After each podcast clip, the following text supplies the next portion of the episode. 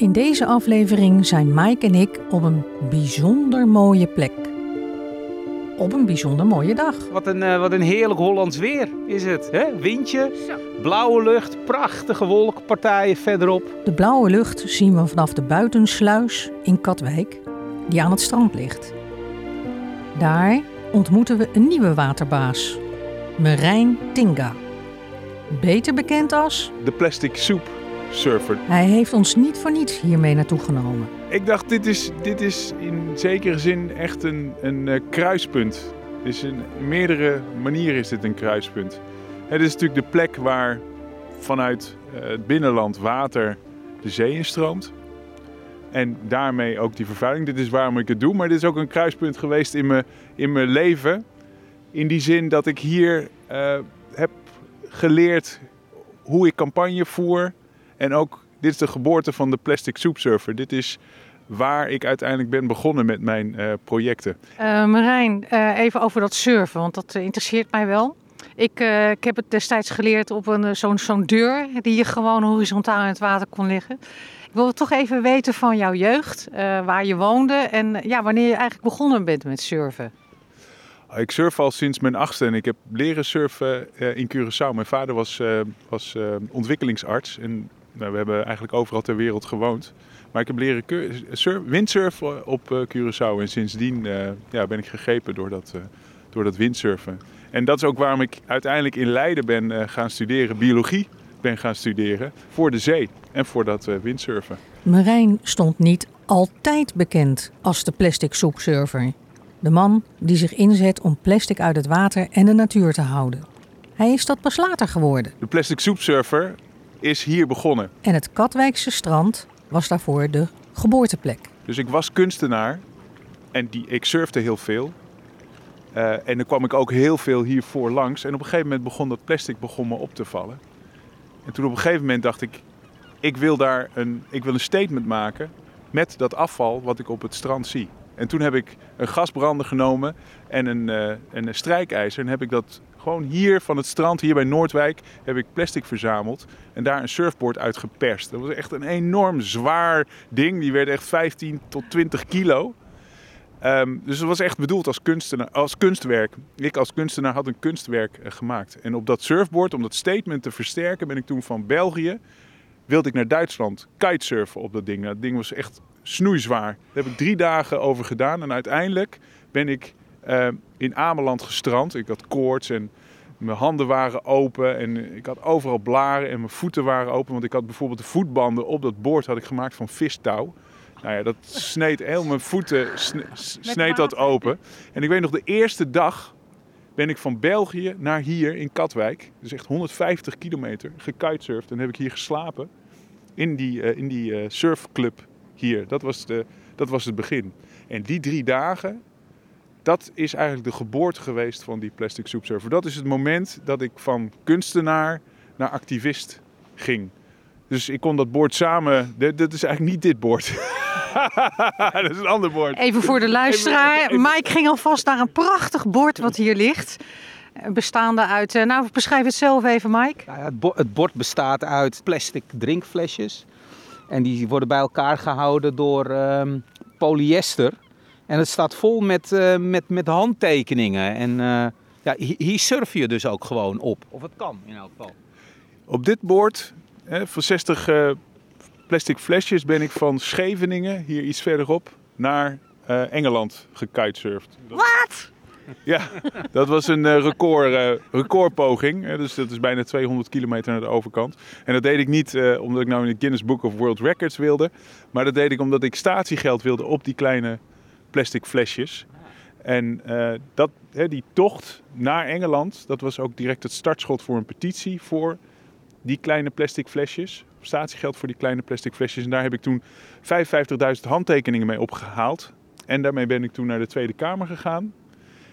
En ik had niet alleen eh, ehm, die 55.000 handtekeningen mee. Maar ik, eh, trouwens in de vorm van eh, snoephartjes. Dus, dat was, dus ik bood ze, vij- het was eh, Valentijnsdag, dus ik bood ze 55.000 snoephartjes aan. Die deelde ik daaruit. Maar in ruil daarvoor wilde ik een handtekening van hen op een motie die ik zelf had geschreven. Dus ik had zelf een motie geschreven en daarin stond: wij 55.000 mensen, wij willen eh 90% minder van deze kleine plastic zwerfflesjes per jaar. 90% minder. Nou, dat is maar één manier waarop je dat kan bereiken. Dat is met statiegeld. En twee dagen later werd die motie werd, eh, aangenomen door het kabinet. Als je echt wat veel wil veranderen, is bewustwording niet genoeg. Wat nodig is, zijn echte maatregelen. En de mensen die die maatregelen kunnen nemen, dat zijn de mensen die je moet eh, aanspreken. En ervoor moet zorgen dat zij die maatregelen, in dit geval statiegeld, ook doorvoeren. Marijn, eh, ik ben wel eigenlijk benieuwd naar die surfclub waar jij hebt overnacht. Is dat hier in de buurt? Ja, dat is hier eh, om de hoek, iets verderop. Zullen we daar naartoe lopen? Ja, hartstikke leuk. Oké, weg bij de buitensluis en op naar het strand. We gaan rechtsaf een langgerekt stuk strand op. En tijdens het lopen valt Mike wat op. Volgens mij eh, zit je werk erop, want het ziet er hartstikke schoon uit. Ik, ik zie allemaal niks. ja, ja, klopt. hè. Dit, er zijn eigenlijk twee redenen. Eén, we zitten hier op een plek waar de vloed net geweest is. Dus hier spoelt alles weg. En ik denk dat jij als bioloog ook weet, als je wat hoger op de vloedlijn zit, dat je voldoende voel- eh, gaat zien. En ook waar we net vandaan kwamen, daar zag je natuurlijk ook al die plastic flesjes al, eh, al liggen en ander, en andersoortig eh, afval. Hè. Dat pluis zie je liggen. Eh, maar je moet echt iets hoger lopen, echt op die vloedlijn, daar vind je het. Nou, laten we eens dan even naar die vloedlijn lopen, want dat wil ik natuurlijk wel met eigen ogen zien. Kom, gaan we die kant op. Ah, kijk, ja, we komen nu bij de vloedlijn en dan zie je al eigenlijk veel meer, ook wel heel veel natuurlijk materiaal wat aangespoeld ja, is. zeker. Maar we hebben hier zo'n wegwerp Ja, eh, bekertje. bekertje. Ja. En ja, dat lijkt van papier en afbreekbaar en zo, maar is dat zo? Nou, in die kartonnen bekertjes zit aan de binnenkant altijd een laagje plastic. Hè? Dat zit er sowieso. Eh, en eigenlijk, je kan natuurlijk zeggen, hè, eh, schitterend dat het eh, afbreekbaar is. Of deels afbreekbaar. Je voelt hier dat plastic voel je aan de binnenkant zitten. Het zelfs Laat eens een voelen. beetje gedelamineerd. Oh ja, ja, je je ja. voelt het al, al zitten. Maar dit is wel exemplarisch natuurlijk. We leven in een maatschappij waarin we nou ja, alles eenmalig gebruiken en daarna wegwerpen. Wegwerpbeker, het is ervoor gemaakt. Terwijl juist voor dit soort dingen zijn er natuurlijk oplossingen. Meermalig te gebruiken bekers. Dus wij zijn als maatschappij helemaal ingericht op dat wegwerp. En dat plastic, dat faciliteert dat. Plastic heeft ervoor gezorgd dat we zo makkelijk alles weg kunnen gooien. Omdat het altijd de goedkoopste optie is. En er ligt er wel meer. Ja, wat is dit? Dit is... Ja, geen idee. Ja, Marijn, je pakt En- nu een blauw Ja, een dingetje op. Het lijkt wel iets van speelgoed. Ja, of eh, ja, een deel van, van ja, misschien, ja, ik weet ook niet wat het is. Geen idee. maar er ligt meer, kijk daar. Ook. Even kijken, wat zien we hier? eh, allemaal, oh nee, dat is een schelpje. Dat is een, dat is een schelp. dat mag nog. Dat is goed. Maar hier komen we meer bij die vloedlijn. Oh ja. Hier komen we meer bij de vloedlijn. Dan zie je natuurlijk direct al dat spul eh, liggen. Kleine spul, pluis. Dat is afkomstig van de visserijen. Die gebruiken om die netten, om die, te voorkomen dat die netten slijten, hebben ze altijd pluis. Er, eh, eh, hebben we allemaal kleine sliertjes eronder. Die zijn er bedoeld om, te, om eraf te slijten in plaats van het net. Maar dat is allemaal plastic. Dus echt bedoeld eigenlijk, kan je zeggen, Ja. om in het milieu terecht te komen. Om in dat zeewater terecht te komen. Ik kan me voorstellen dat als je als wandelaar hier gewoon loopt met app, zoals nu, ja, dan ziet het er eigenlijk gewoon hartstikke schoon uit. Verrassend schoon. Ik was echt verrast. En dan, ja, dan loop je inderdaad naar de vloedlijn en ja, dan is het natuurlijk gewoon raak. Eh, en dan ligt het vol. Maar dat is echt wel veranderd. Hè? In de, dat is echt veranderd in de afgelopen jaren. Er zijn ontzettend veel mensen nu bezig met dat plastic en echt aan het opruimen. Ook hier in Katwijk zijn een aantal clubs bezig met dat strandjutten. Dus dat, dat, ja, dat is echt stukken schoner dan het was. Ja. Vijf, zes, zeven jaar geleden. Hoeveel kilo eh, belandt hier nou aan plastic in de Noordzee? In de Noordzee gaat het echt over, over nou, 20.000 ton, hè, dus eh, 20 miljoen kilo. En dat komt voornamelijk eigenlijk uit de Rijn of uit de rivieren en de Theems wordt dat meegenomen. Dus het is eigenlijk uit- het binnenland. En daarom vond ik deze plek ook mooi om af te spreken. Want hier zitten we weliswaar de oude Rijn, maar dit is natuurlijk wel die scheidslijn tussen waar het, het binnenland eh, nou ja, met, met de zee eh, raakt. En eigenlijk, je kan zeggen, zodra het hier voorbij is, deze grens, is het eigenlijk voor goed verloren. Kan het verteren, plastic in zee? Nou, dat is het punt natuurlijk. Plastic sowieso, dat eh, is nauwelijks eh, eh, biologisch afbreekbaar. Nauwelijks biologisch afbreekbaar. Dat betekent dat alles wat er in het milieu terechtkomt, dat er eigenlijk voor eeuwig is. Ik zie het altijd zo. Plastic verhoudt zich tot de natuur, tot het ecosysteem, als, als gewone mensen tot Superman. Dus Superman is onverwoestbaar, plastic is ook onverwoestbaar. En dat betekent dus als je dat gebruikt voor toepassingen waarvan je weet dat het grote kans is dat het milieu terechtkomt, hè, juist dat wegwerpplastic, ja, dan ben je dus eigenlijk bezig om uh, ervoor te zorgen dat er meer plastic in het milieu terechtkomt. Uiteindelijk komt het dus in die voedselketen terecht.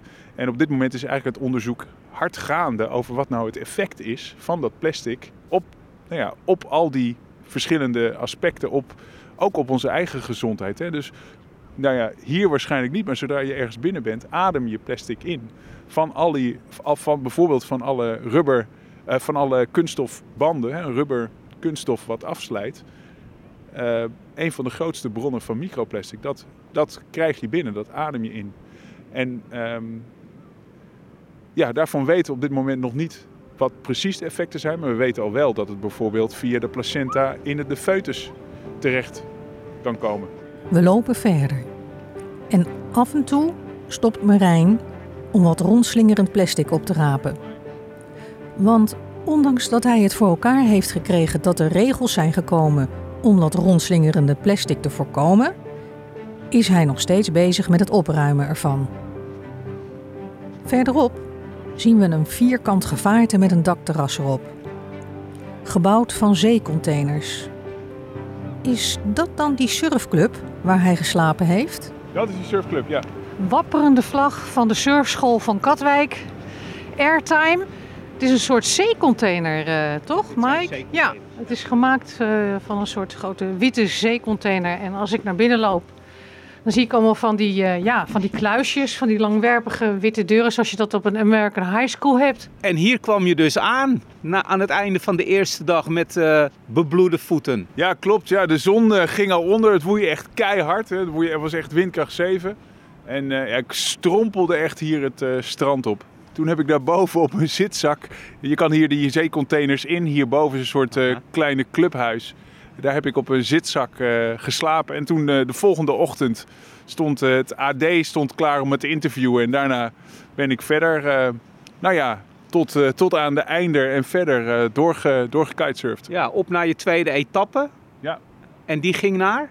Tot uh, Terschelling ben ik toegekomen. Dat is 160 kilometer. Ja. En die avond had ik echt, uh, ja, toen kon ik echt al niet meer. Toen had ik al koorts en ik kon niet slapen. En de volgende dag ben ik toen nog, nog een keertje 30 kilometer. En toen ben ik echt ingestort ja. op, uh, op Ameland. Op Ameland. Ja. Ja. ja. We hadden het net over, uh, die, over de statiegeld die op de plastic flesjes uh, eraan zit te komen. Nou, dat lijkt me natuurlijk hartstikke goed. Ik denk ook dat dat heel erg, zelf dat het heel erg gaat helpen. Maar is dat niet ja, het, het topje van de ijsberg als je weet wat er ook aan plastic allemaal niet in nou ja, cosmetica zit en wat er door de wc gespoeld wordt. Uh, dus, dus ja, er, er is toch veel meer nodig dan alleen maar statiegeld op plastic flesjes, lijkt mij. Heeft het eigenlijk allemaal wel zin? Dat, dat vraag je je af. Ja, kijk, je moet je voorstellen van drankverpakkingen. Als we het alleen over plastic flesjes hebben, dan hebben we het al over 35 miljoen flesjes in Nederland per jaar die op de grond terechtkomen. 35 miljoen, uh, dat is 100.000 per dag. En van drankverpakkingen sowieso is het, het allergrootste van, uh, aandeel van wat we in uh, op straat te vinden, dat zijn drankverpakkingen. Ja.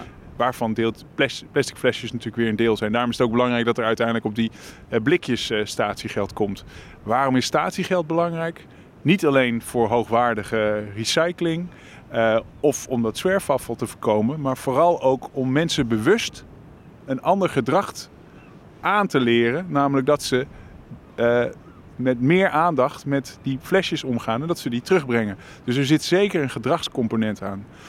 En de volgende stap is inderdaad, wat is er dan altijd de rest van het zwerfafval en al die andere bronnen? En het is echt een misverstand om te denken dat er een kleine groep mensen is die moedwillig plastic, of dat dat de groep is. En als we dat, als we dat gedrag van die kleine groep veranderen, dat we dan geen uh, zwerfafval meer hebben. Er zijn ontzettend veel bronnen. Juist hier, je ziet al die meeuwen hier rondvliegen. Uh, ja. Ik kom uit Leiden. Elke bijplaatsing, elke vuilniszak die buiten gezet wordt, wordt direct opengescheurd door ja. die meeuwen. In coronatijd, je ziet al die vuilnisbakken zitten vol met die wegwerpbekers. Die worden ernaast geplaatst. Mensen die denken oprecht, ik heb mijn beker, ik doe mijn best door hem hier op dit, op dit randje te balanceren. Ik heb mijn best gedaan. Ja.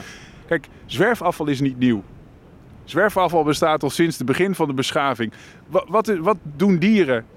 Die laten spullen achter. Alles zwerfafval van 500 jaar geleden, dat stellen we tentoon in archeologische musea. Zwerfafval heeft altijd bestaan. Wat is nieuw? Dat is dat plastic. Dat niet vergaat. Dat is wat nieuw is. En uiteraard is het belangrijk dat we daar op een be- betere manier mee omgaan. Maar dat is een gedeelde verantwoordelijkheid.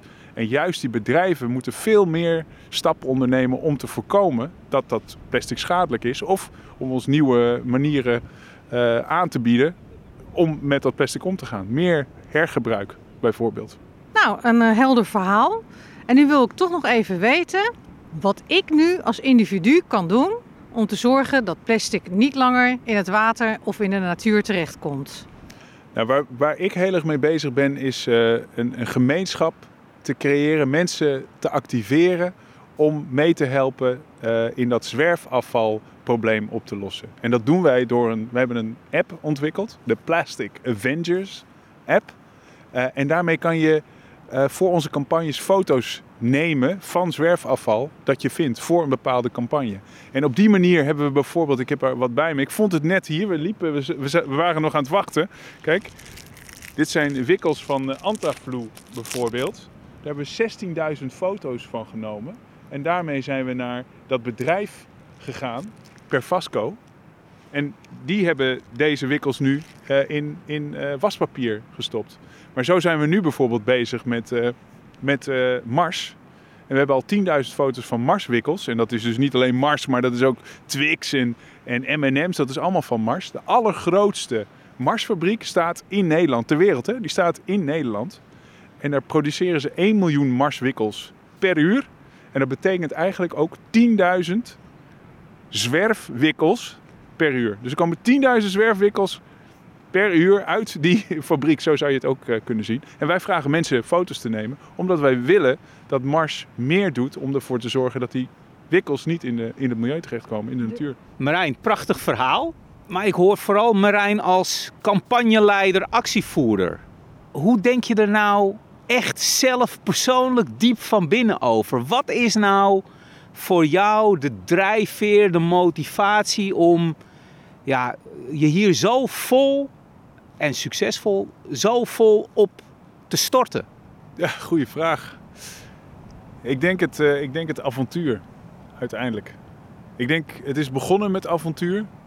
eh, maar het is ook echt een avontuur om eh, te proberen dat verschil te maken. Eh, en ik word daar enorm in gesteund. Dat zorgt natuurlijk heel, is een heel positieve manier van, eh, van ehm, nou ja, eh, proberen je invloed uit te oefenen.